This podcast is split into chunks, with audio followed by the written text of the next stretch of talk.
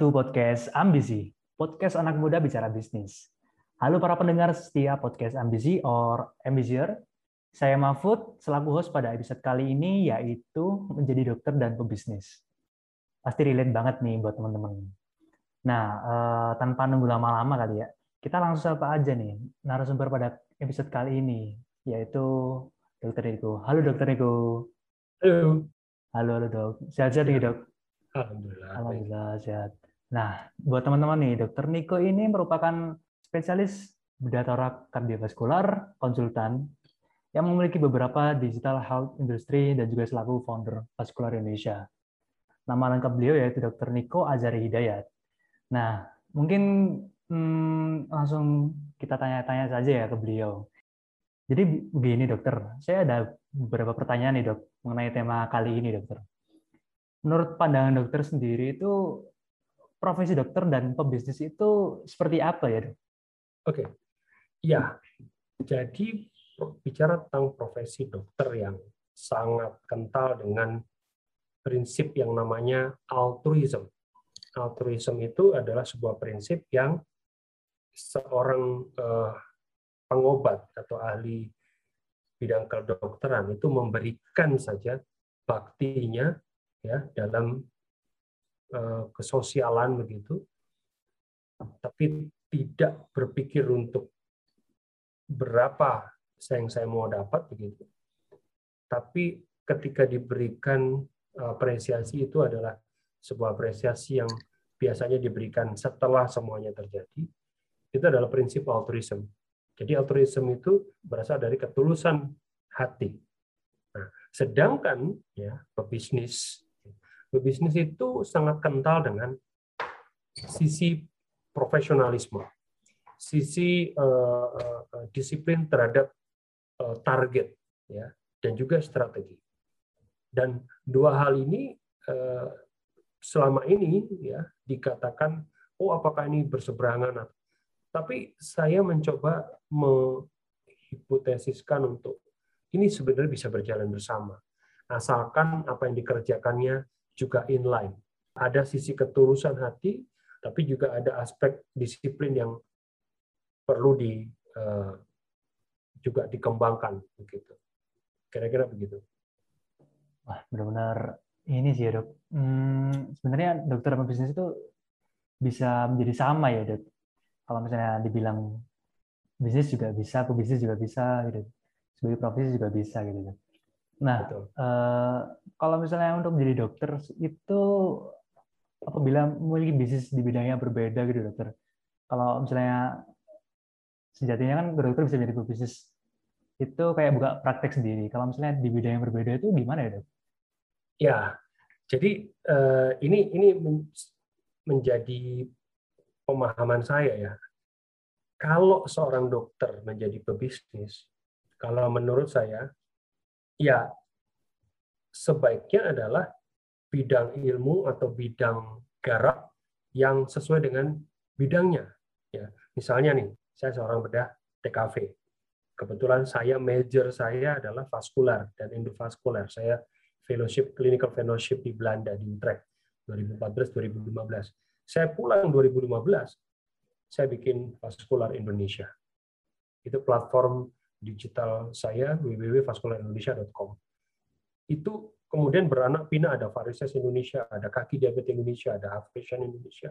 Kemudian di sisi mahasiswa ada Vascular Science Club, kemudian ada lagi Aorta Indonesia. Yang ini inline banget dengan bidang saya.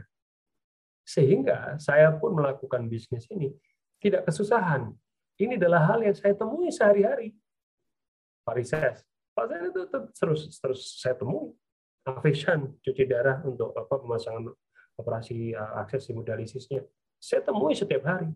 Sehingga uh, saya melakukan uh, sociopreneur. Jadi jadi uh, ke komunitas yang uh, memang membutuhkan, saya tidak memungut biaya dari situ, tentu jasa rumah sakit ya rumah sakit dengan BPJS cukup buat saya. Nah, itu itu bisnis hmm. cara saya. Tapi kalau di bidang lain pun bisa. Ya, tapi saya tidak dalam pemahaman itu ya. Karena apa? Agak lebih sulit buat saya gitu ya. Saya seorang dokter bedah, eh, bedah toraks kardiovaskuler. kemudian saya jualan makanan gitu. Ya bukan nggak bisa sih bisa, tapi eh, tes tes makanannya, tes minumannya itu kan bidangnya saya. Saya nggak profesional bidang itu. Ngerti nggak maksud saya? Iya, Apalagi nanti kalau kemudian properti saya, kemudian ada saham lagi. Bukan bidang saya. Saya bukan pemahaman itu. Meskipun boleh, boleh.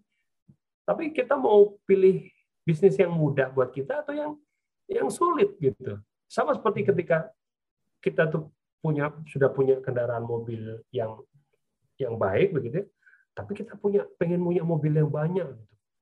Yang yang lain-lain gitu. Kita nggak mungkin nyetir dua-duanya karena kita nggak mungkin di dua dunia yang berbeda langsung gitu. Gitu. Kira-kira gitu. Berarti harus itu ya dok. Hmm, uh, mungkin kalau misalnya di luar itu harus sesuai kompetensinya masing-masing ya dok. Idealnya, idealnya ya. begitu. Kalau saya sih idealnya begitu. Hmm. Even medical tourism aja nih. Ini kan ada aspek turismenya. Tapi apa yang saya kemukakan medicalnya. Si relate ya dok ya? Iya, relate tetap relate. Gitu biar langkah baiknya itu kalau relate ya dok, biar kita itu bisa Betul. ilmu yang didapat ketika kita mempelajari sebagai dokter itu tetap ada dan berkembang terus ya dok, nggak sia-sia gitu ya dok. Betul. Wah bener banget. Ini belum bener kayak mungkin bisa jadi pilihan bagi saya sendiri dan teman-teman yang lain di luar sana untuk uh, pandangan ke depannya apabila mau jadi dokter planner itu kayak gimana ya dok? Ya. Uh, baik dokter, ada pertanyaan lagi ini dok. Nah, kalau misalnya bisa dibilang itu dokter planner ya dok, kalau tadi itu ya dok. Nah, dokter planner itu kan nggak mudah ya dok. Pandangan kayak menjadi seorang dokter planner itu apa aja ya dok? Biar teman-teman ini tahu kayak uh, real life-nya itu kayak gimana gitu dok. Ya sebenarnya gini, kalau masalah dokter planner atau itu semacam istilah sih. Cuman memang saya tidak tidak rutin menggunakan term itu. Karena apa? Uh, entrepreneurship lebih lebih universal. Uh, saya lebih ada ke medical trainer atau uh, health trainer, health entrepreneurship. Kalau dokter trainer itu sebenarnya sih lebih banyak dipakai oleh teman kita sejawat di FKUI. Mereka sangat gencar dengan dokter trainer, which is itu nggak masalah. Tapi jangan lupa Eh, pertama apakah kita memang dokter? Kalau kalian calon dokter mungkin belum bisa pakai dokter trainer kan? Oh iya. Atau mungkin calon dokter trainer gitu mungkin. Tadi kata dokter ini nih yang yang mungkin bagi pencipta term itu ini dianggap sesuatu hal, hal yang bernilai, yang value itu. Sehingga oh dokter trainer aja keren gitu. Tapi buat saya itu masalah istilah sih. Yang paling penting adalah justru di mindset dan cara cara seseorang untuk mengkonsep sebuah bisnis. Saya kasih contoh, podcast ini saja. Kalau Mahfud Fauzi, ingat, pertama kali podcast ini namanya adalah Ambis, betul ya? Iya. Tapi saya bilang ke Arif Ananto, Arif, kenapa nggak sekalian ambisi? Anak ya. muda bicara bisnis, sebenarnya ada inovasinya. Karena jadi ambisi, sesuatu hal yang dikenal gitu loh podcast ambisi gitu ya. Itu orang kenal gitu. Tapi kalau podcast ambis, maksudnya apa? Nah, ini salah satu cara di mana sebenarnya uh, skill kita itu terasa untuk mengkonsep sesuatu gitu. Dan ini juga ini juga cikal dari bisnis kan gitu. Kira-kira seperti itu. Maaf. benar-benar uh, sebenarnya ini bergantung lagi ya dok ya ke orang tersebut menghadapi sesuatu gitu ya mau inovasi, mau mau bisa berinovasi atau enggak. Gitu. Betul. Uh, ada pertanyaan lagi sih dok. Hmm, basic seperti apa yang harus dimiliki ketika kita ingin jadi seorang benar-benar pebisnis gitu dok? Jadi latar belakang atau karakter ya. Sebenarnya gini, uh, setiap kita itu memiliki jiwa entrepreneurs. Setiap kita tapi sadar atau nggak sadar, diakui mau tidak diakui, kita memiliki ya barang sekedar nawarin uh, apa yang barangnya untuk dijual, just lab atau mungkin minjemin sesuatu, ya kemudian ngasih bantuan tunutan naik apa motor ikut ke sana. Itu sebenarnya entrepreneurs.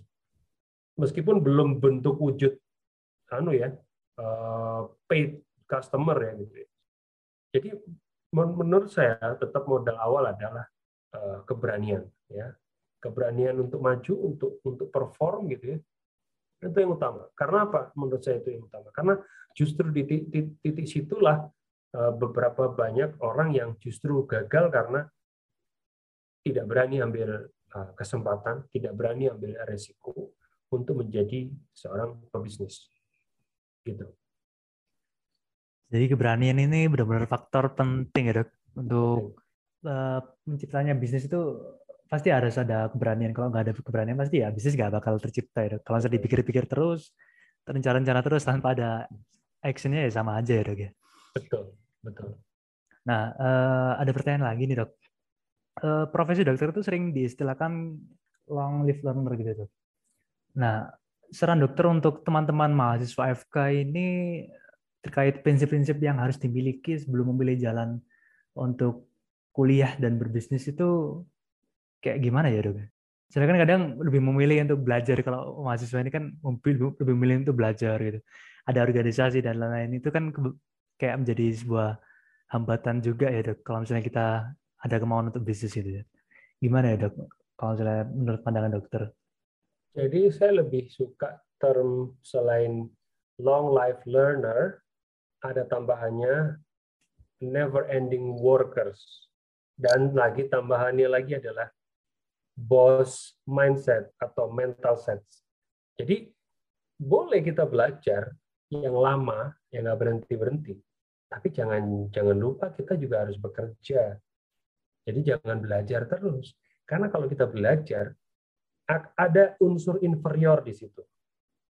Ya, oh kan saya masih belajar, oh saya kan masih belum lulus, oh kan saya belum apa-apa. Tapi kalau worker, I have to do my work. My my work should be should be done by the time 12 o'clock AM misalnya. Ada target di situ. Ada ada ada apa namanya? semangat untuk menyelesaikan sebuah project. Tapi mental set boss adalah uh, di mana uh, unsur leadership ada di dia. Mau itu gagal dia bangun lagi, mau dia dihina dia akan uh, berdiri dan berjalan lagi dan lain sebagainya. Jadi jangan hanya menjadi learner, long life learner, tapi never ending workers juga dan mind dan mental set of boss gitu. Wah, benar-benar harus yang penting itu mindset ya dok. Kalau misalnya kita menjalankan sesuatu itu. Jadi Betul. kalau misalnya belajar dan bisnis, why not gitu ya dok ya? Ya. Ini bisa jadi kayak hmm, fundamental buat teman-teman nih yang mau benar-benar ikut terjun berbisnis, mungkin lagi gundah pengen aktif ini, pengen aktif sana, ya kalau misalnya bisa kedua-duanya ngapain enggak gitu ya dok?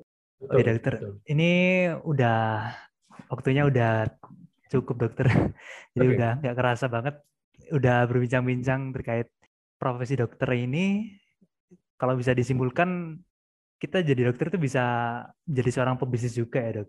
Sesuai dengan tema kita kali ini menjadi dokter dan pebisnis gitu ya dok. Betul. Nah, uh, untuk episode kali ini saya terima kasih banyak dokter buat waktunya telah menyempatkan sharing-sharing untuk episode kali ini, episode 8. Mungkin untuk episode kali ini sebagai episode penutup, pada podcast ambisi 2021 ini. Uh, terima kasih banyak kembali dokter sudah meluangkan waktunya. Uh, kami ingatkan kembali buat para ambisier untuk follow IG ABF Kauner yaitu @abf Kauner agar bisa update terus episode selanjutnya nih yang bakal mengundang narasumber-narasumber keren. Terima kasih buat kalian semua para pendengar podcast ambisi.